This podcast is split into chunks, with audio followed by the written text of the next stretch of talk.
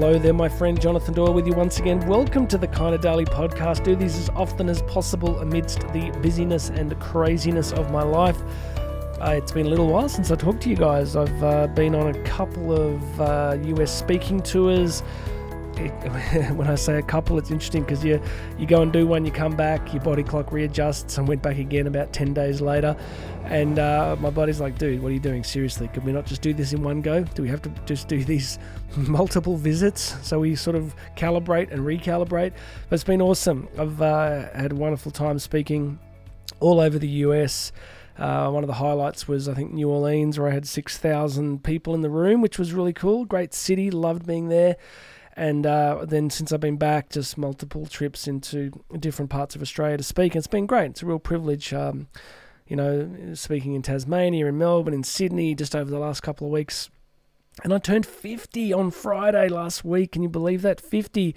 I know many of you that know me think, Jonathan, you can't be serious. You still have the the rugged good looks and boyish charm of a young Tom Cruise. And I go, oh, it's true, you are correct. That is correct. But, you know, we're all getting older. We're all on a journey back home to heaven, right? So, uh, turned 50. I'm still feeling pretty young.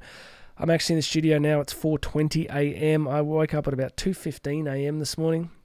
Got a lot of stuff, uh, a lot of work happening at the moment. So I'm like, yeah, don't want to stare at the ceiling for the next three hours. I'm just going to get up and get after it. So uh, I will rest later in the day. Please do not send me emails going, Jonathan, we're worried about you. What are you doing?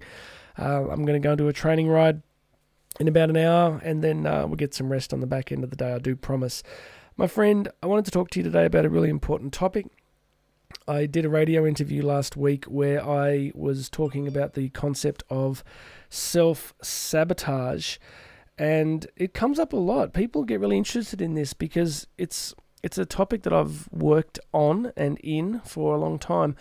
I, you know, I've worked with CEOs of major entities, you know, dealing with billions of dollars, and you would be amazed. I remember working with one CEO who just had this self sabotage, imposter syndrome thing going on.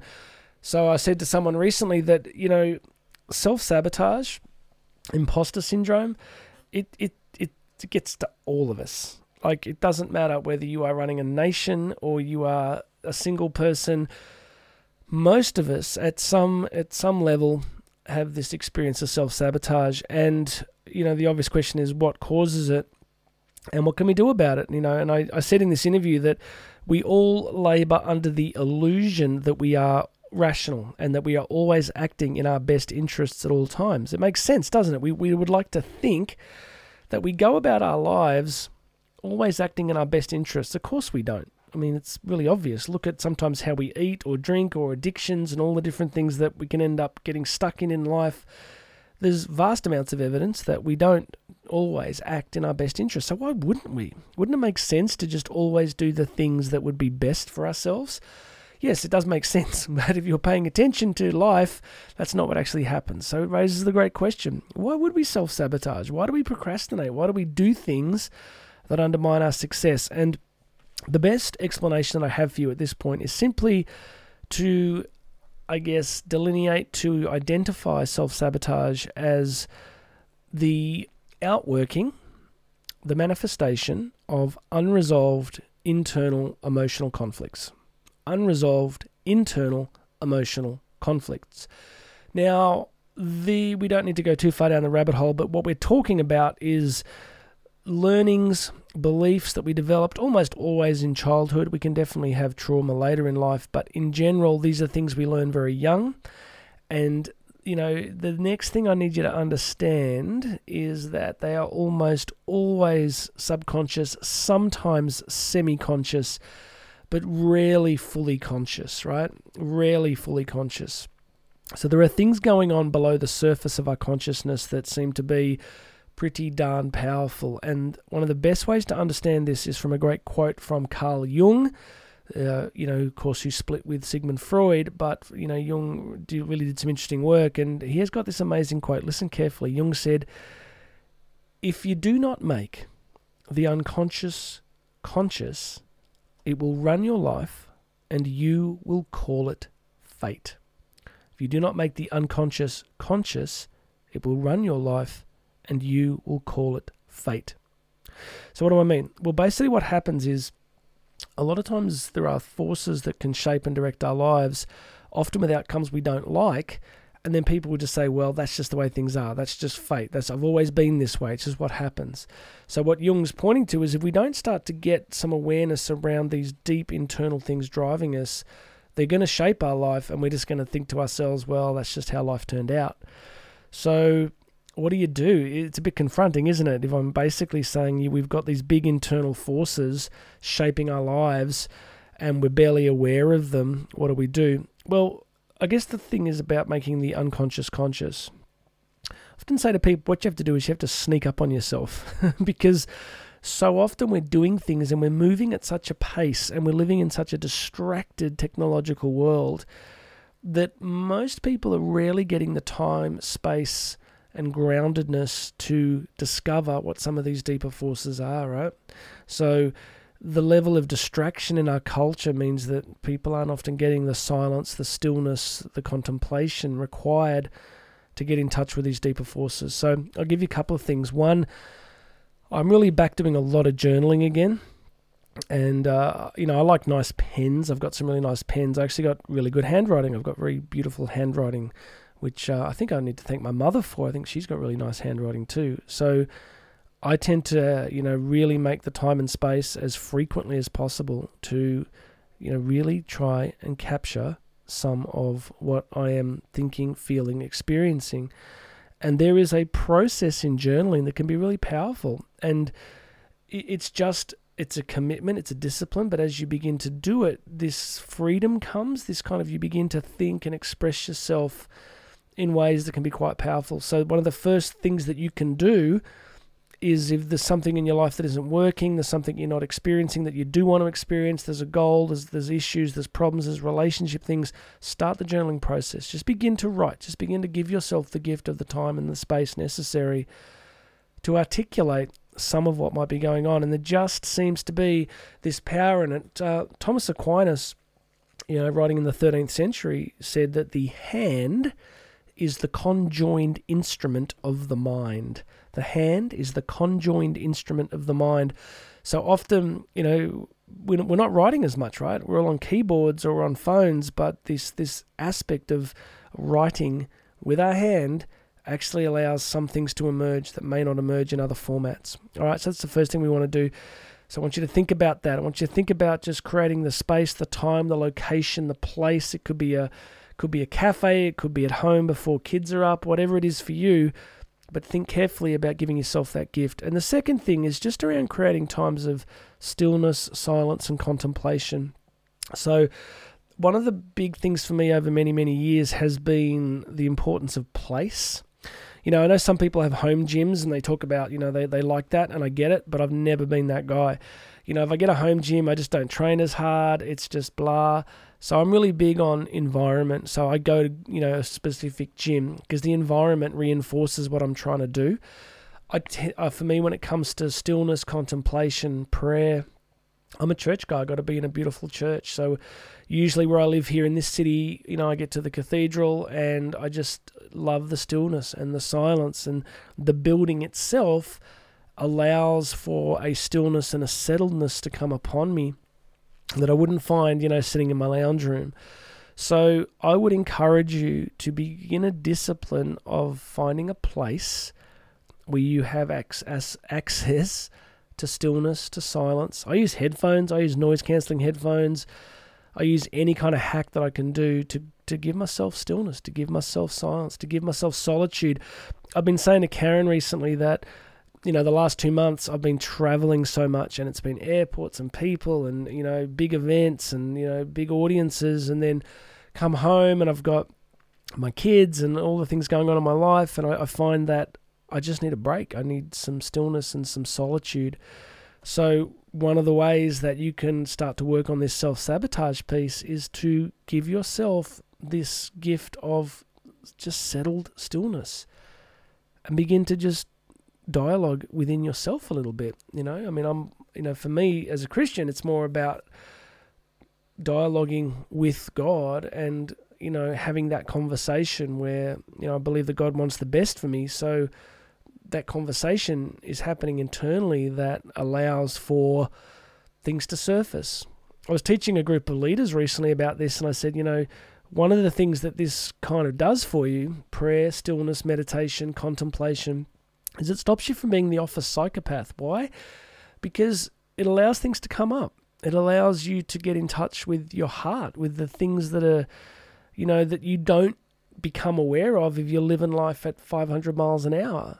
So, can you agree with me that culturally we've probably lost this piece? We've been so busy and moving so fast for so long that we've lost this kind of stuff the ability to be in touch with those deeper forces within our lives. So, summary if you don't make the unconscious conscious, it'll run your life and you'll call it fate.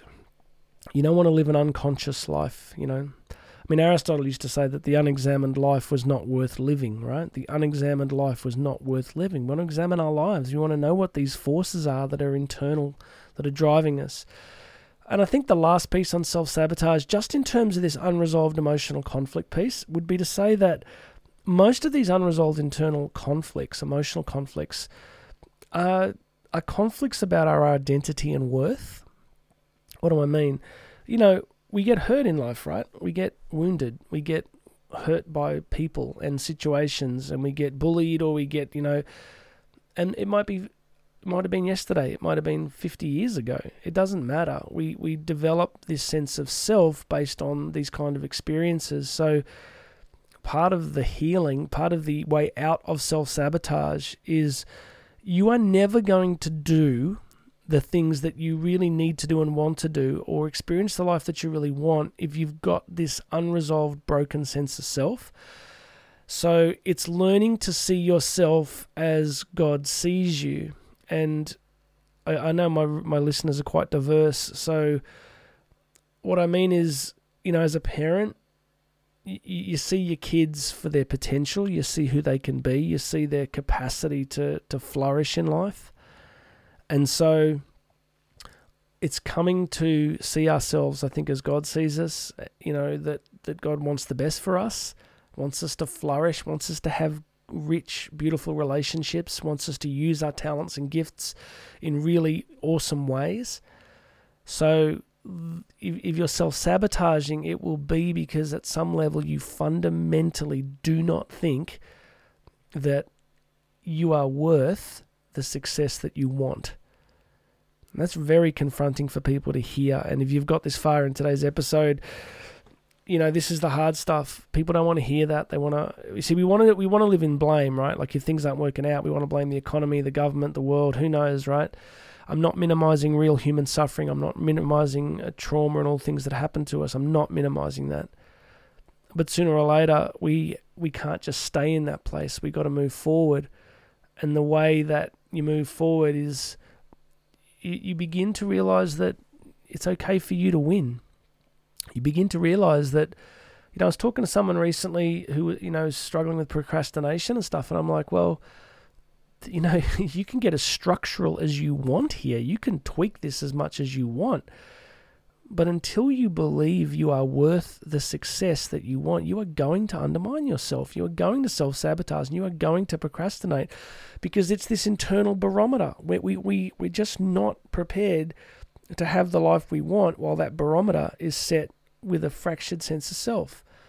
So, this is deep emotional, spiritual, psychological work, and I think it's primarily spiritual, really. After all, I mean, I'm turning 50 now, so I've had long enough to think about it. It's that this is a spiritual task. It's coming to see ourselves as God sees us. And He doesn't want us to be limited. He doesn't want us to self sabotage. He doesn't want us to undermine ourselves.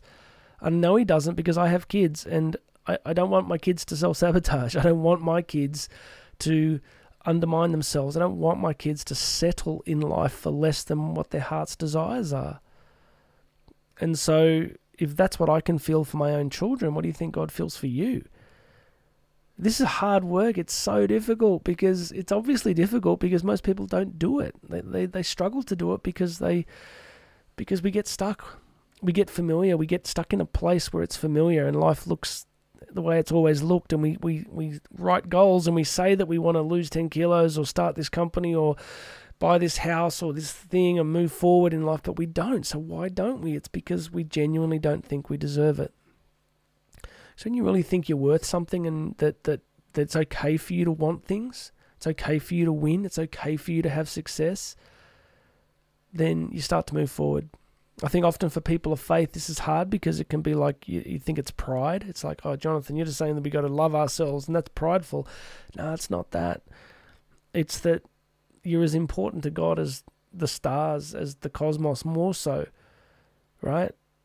And He's into perfection. He's into perfecting things. He's into things flourishing and growing, not staying stuck. So I don't know how else to say this to you. Summary self sabotage and procrastination are, un- are caused by unresolved internal emotional conflicts about our sense of self, our worth, our value. The way out of them is to make the unconscious conscious, to get in touch with them, to go deeply in touch with them, and then to replace those broken sense visions of self with the truth about who you really are. All right, I'm going to stop there because the kind of thing I could just labour the point and go on and on about, but that's the basic mechanics of it. Let me know what you think. You can email me, jonathan at jonathandoyle.co. Uh, you want to book me to speak, to work with um, your leaders, to work with your teams. Uh, jonathandoyle.co is the website, jonathandoyle.co.co. Go and check that out. You can find me on Instagram at jdoylespeaks. jdoylespeaks if you've got your phone nearby. Um, grab Instagram if you're on it and uh, just do a search for J Doyle Speaks. You'll find me there. All right, my friend, God bless you. Let's get out of this self sabotage. Let's keep moving forward. My name is Jonathan Doyle. This has been the Daily Podcast. You and I are going to talk again very soon.